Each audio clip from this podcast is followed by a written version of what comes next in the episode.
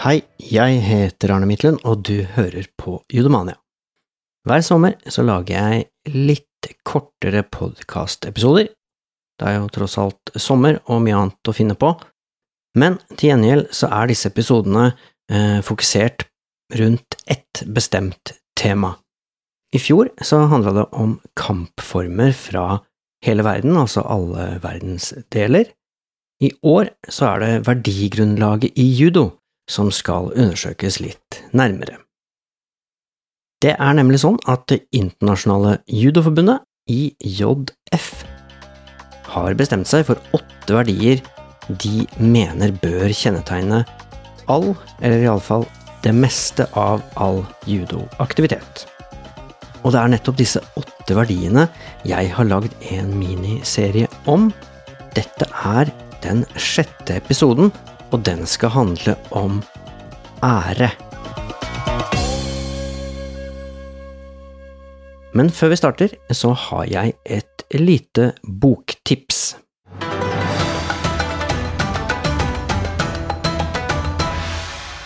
Marshall Musings er en bok som tar for seg historikk og opplevelser knyttet til kampformer, og spesielt judo, og dette gjøres på en eh, kall det gjerne anekdotisk og fascinerende måte. Dette er en bok som inneholder en kombinasjon av selvbiografiske fortellinger, bilder og hendelser, og det er veldig lett å la seg trollbinde av fortellingene i boka, som er skrevet av Robert W. Smith. Og eh, Smith er en av verdens fremste autoriteter i temaet kampformer fra Asia, han har skrevet mer enn et dusin bøker om ulike sider ved de ulike kampformene fra Asia. Smith har trent, undervist og skrevet om kampformer i mer enn 50 år. Han starta i slutten av tenårene med boksing og bryting, før han begynte med judo, og etter hvert så fortsatte han med kampformer fra Kina. Han underviste mange studenter i området rundt Washington DC, der han jobbet som etterretningsoffiser for CIA. Her er det bare å sette seg godt til rette i en stol, sørge for å ha det mest nødvendige av mat og drikke i nærheten, for du kommer til å bli sittende en god stund. Denne boka er absolutt fengende og anbefales på det sterkeste. Flere bokomtaler finner du på judomania.no. Nå over til dagens tema, som er ære.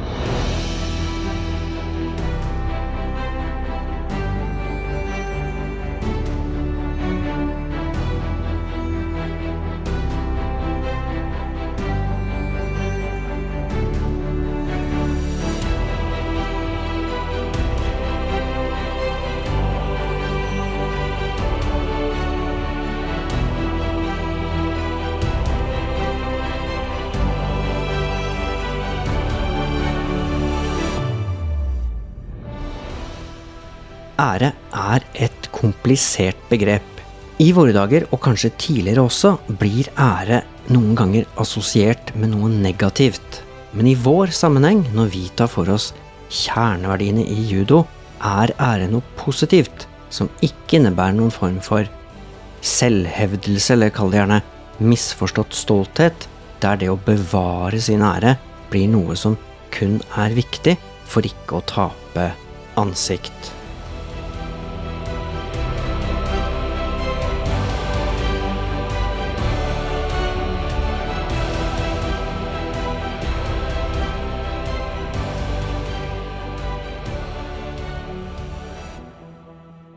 I judosammenheng handler ære om å gjøre det som er rett, og å stå ved prinsippene sine.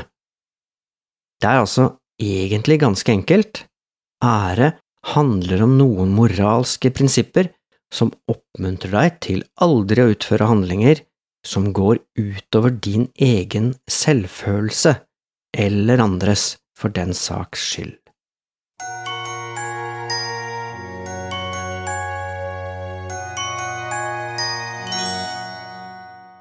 Jeg går jo gjerne litt etymologisk til verks når jeg skal se på disse eh, begrepene, Og hvis vi nå ser på både det japanske, det latinske eller engelske og det norske begrepet i tur og orden, så får vi kanskje et enda bedre innblikk i hva ære kan bety. Vi starter i Japan. Det japanske ordet for ære er meiyo, meiyo, og meio brukes om ære, men det kan også bety prestisje, og det kan ha med stolthet og selvfølelse å gjøre. Meio er viktig i Japan, og det kobles ofte sammen med en persons rykte, karakter og det vedkommende har oppnådd. Denne formen for ære er en sentral del av både yrkeslivet, personlige relasjoner og det sosiale livet i Japan. Og det er særdeles viktig for en japansk person å opprettholde sin meio og oppføre seg på en måte som bidrar til å gi andre et positivt inntrykk. Det engelske ordet for ære er honor, og det kommer opprinnelig fra det latinske ordet honos eller honor, avhengig av hvilken bøyningsform man bruker. På latin så hadde honor med høy respekt, anseelse eller verdighet å gjøre. Ordet var knytta til en idé om omdømme, karakter og dyd og i det gamle Roma så var honor et sentralt begrep på ulike embeter, offentlige stillinger osv., ble tildelt basert på en persons honor. Hvis vi til slutt beveger oss over til det norske begrepet ære, så står det i Det norske akademiets ordbok forklart som en tilstand av fortjent og anerkjent beundring og respekt, fremragende, ypperlig opphøyet omdømme. Der står det også at det norske ordet ære har sin opprinnelse i det norrøne ordet æra.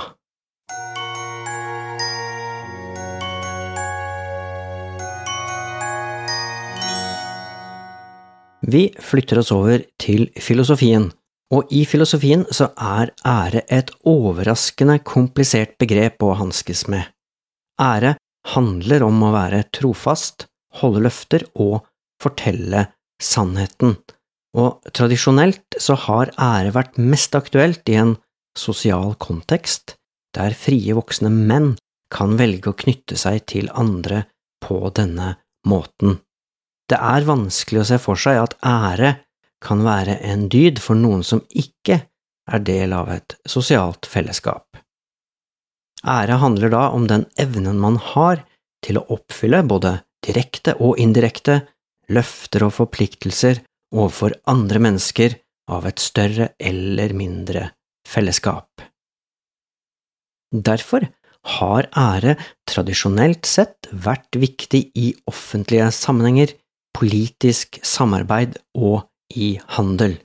I slike sammenhenger så har det vært viktig at avtaler blir æret, selv når dette ikke er tydelig verbalt eller skriftlig uttrykt. Det er en underforstått og ikke verbalt kommunisert forventning om at avtaler skal holdes uansett. Og det er jo sånn at selv kriminelle bruker begrepet ære, og det snakkes noen ganger om en slags æreskodeks mellom tyver og andre lovbrytere. Også i krig brukes begrepet ære, selv om det kan være vanskelig å finne gode eksempler på ærefulle måter å opptre på i en krig. Dette har flere filosofer vært innom og problematisert, blant annet Thomas Hobbes på 1600-tallet. I slike tilfeller, mener han og andre filosofer, så er ære et kynisk begrep fordi det ikke forholder seg til de vanlige moralske størrelsene. I våre dager så har de aller fleste områder som tidligere hadde med ære å gjøre, forandra seg. Det er ingen som duellerer lenger, og forsøk på å beskytte kvinners ære blir sett ned på, og politikere viser ansvar ved å ikke gå av, men å bli i sine posisjoner for å rydde opp. Forretningsliv og handel er lovregulert på en helt annen måte i våre dager enn det var tidligere, og i praksis så betyr det her at begrepet ære har mistet flere av sine vanlige og tradisjonelle oppgaver, kan man nesten si.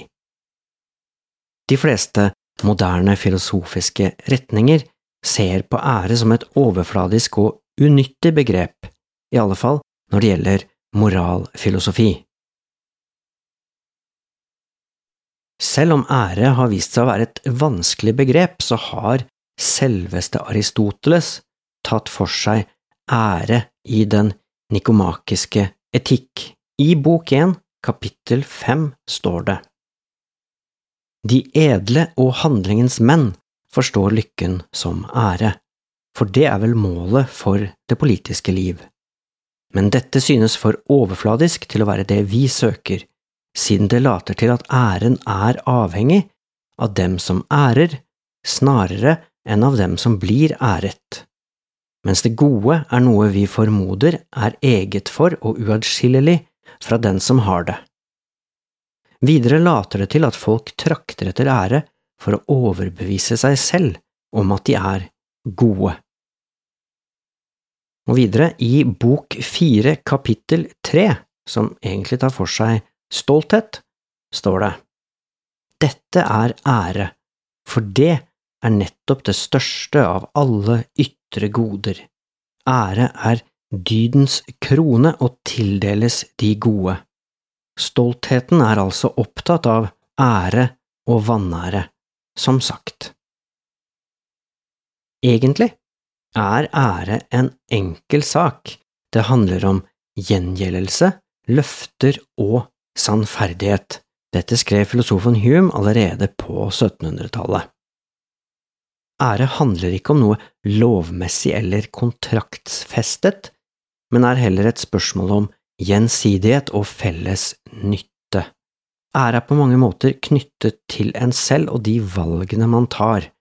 Innholdet i det man ser på som ære, er avhengig av konteksten, og det er nettopp derfor en tyv kan ha en form for ære knyttet til seg, og ære knyttes gjerne sammen med noe man har plikt til å gjøre, men ikke alltid. Mot og sjenerøsitet er også uttrykk som gjerne kobles sammen med ære, men som ikke nødvendigvis handler om ære. Og hva som omtales som ære, er også avhengig av det miljøet og den tidsepoken man er en del av. Æresbegrepet er altså flyktig, og det er vanskelig for en eh, syk, fattig eller svak person å oppnå stor ære, selv om det er eh, svært ufortjent, vil mange hevde. Ære har nemlig et visst uh, slektskap men det å framvise styrke, kraft og mot. Det er helt opplagt flere problematiske sider ved begrepet ære, og her er tre sånne problemstillinger. Punkt 1.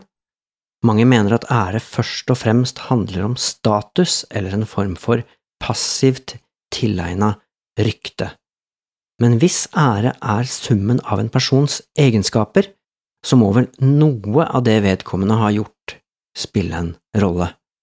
Man må jo ha vist eller vært villig til å vise et eller annet som gjør at omverdenen ser på deg som en person med en eller annen form for ære. Punkt to. En annen problematisk side ved begrepet ære er at det i noen tilfeller kobles sammen med såkalt kollektive systemer. Det er for eksempel noen som snakker om vår skoles ære. Dette gir lite mening, for selv om ære handler om mellommenneskelige forhold, så er det kun individer som kan inneha noen form for ære. Ære handler jo om summen av et menneskes individuelle egenskaper, og derfor kan ikke ære tilegnes et lag eller en større gruppe, iallfall ikke på en måte som gir mening. Så verken fotballag, nasjoner, religioner eller folkegrupper kan ha noen form for ære som andre grupperinger ikke har. Punkt tre Ære reflekterer de gjeldende interessene i en sosial kontekst andre samfunns og andre gruppers oppfatninger av ære kan virke fremmede eller rett og slett rare og umoralske.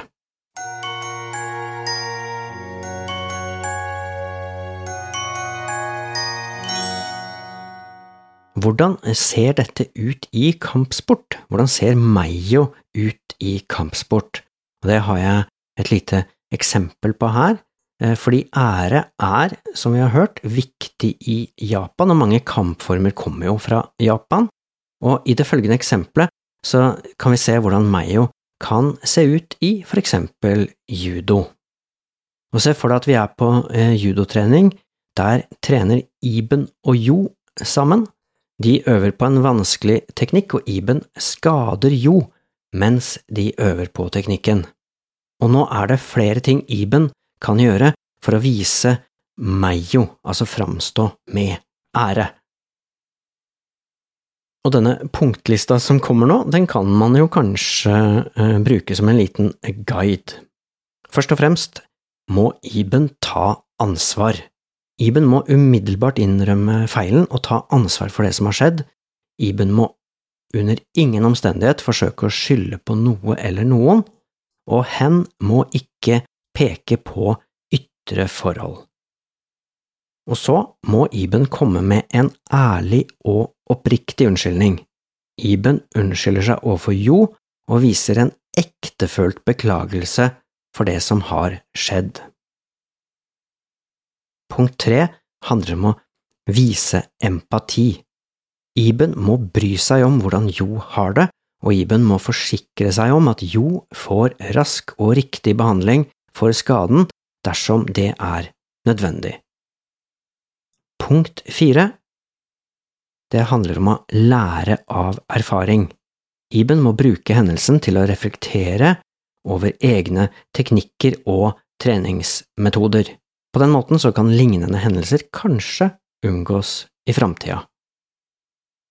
Punkt fem Iben må respektere Jo sine følelser. Iben må forstå at Jo kan være skuffet og lei seg, og Jo får både tid, rom og støtte fra Iben til å håndtere disse følelsene.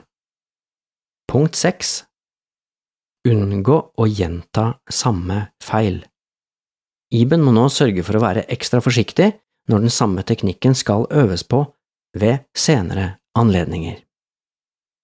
Og det syvende og siste punktet opprettholde verdighet. Både Iben og Jo oppfører seg voksent og med verdighet, på den måten unngås konflikter og opphetede diskusjoner. Selv om alt det her kan virke litt voldsomt, og at det selvsagt er avhengig av alvorlighetsgraden på den eh, tenkte skaden, så sier det her også noe om at ære er eh, noe som kan kobles til respekt for andre, ydmykhet og det å ta ansvar for egne handlinger.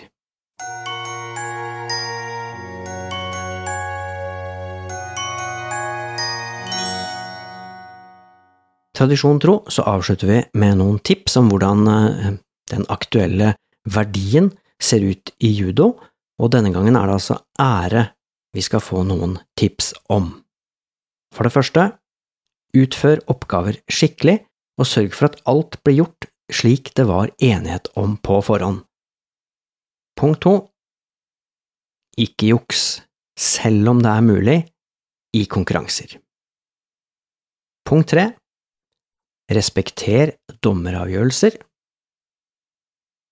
Punkt fire Vær prinsippfast, men på en hensynsfull måte. Det var alt for denne gangen. Neste gang skal det handle om høflighet. Har du som hører på en kommentar eller spørsmål til det du nettopp har hørt?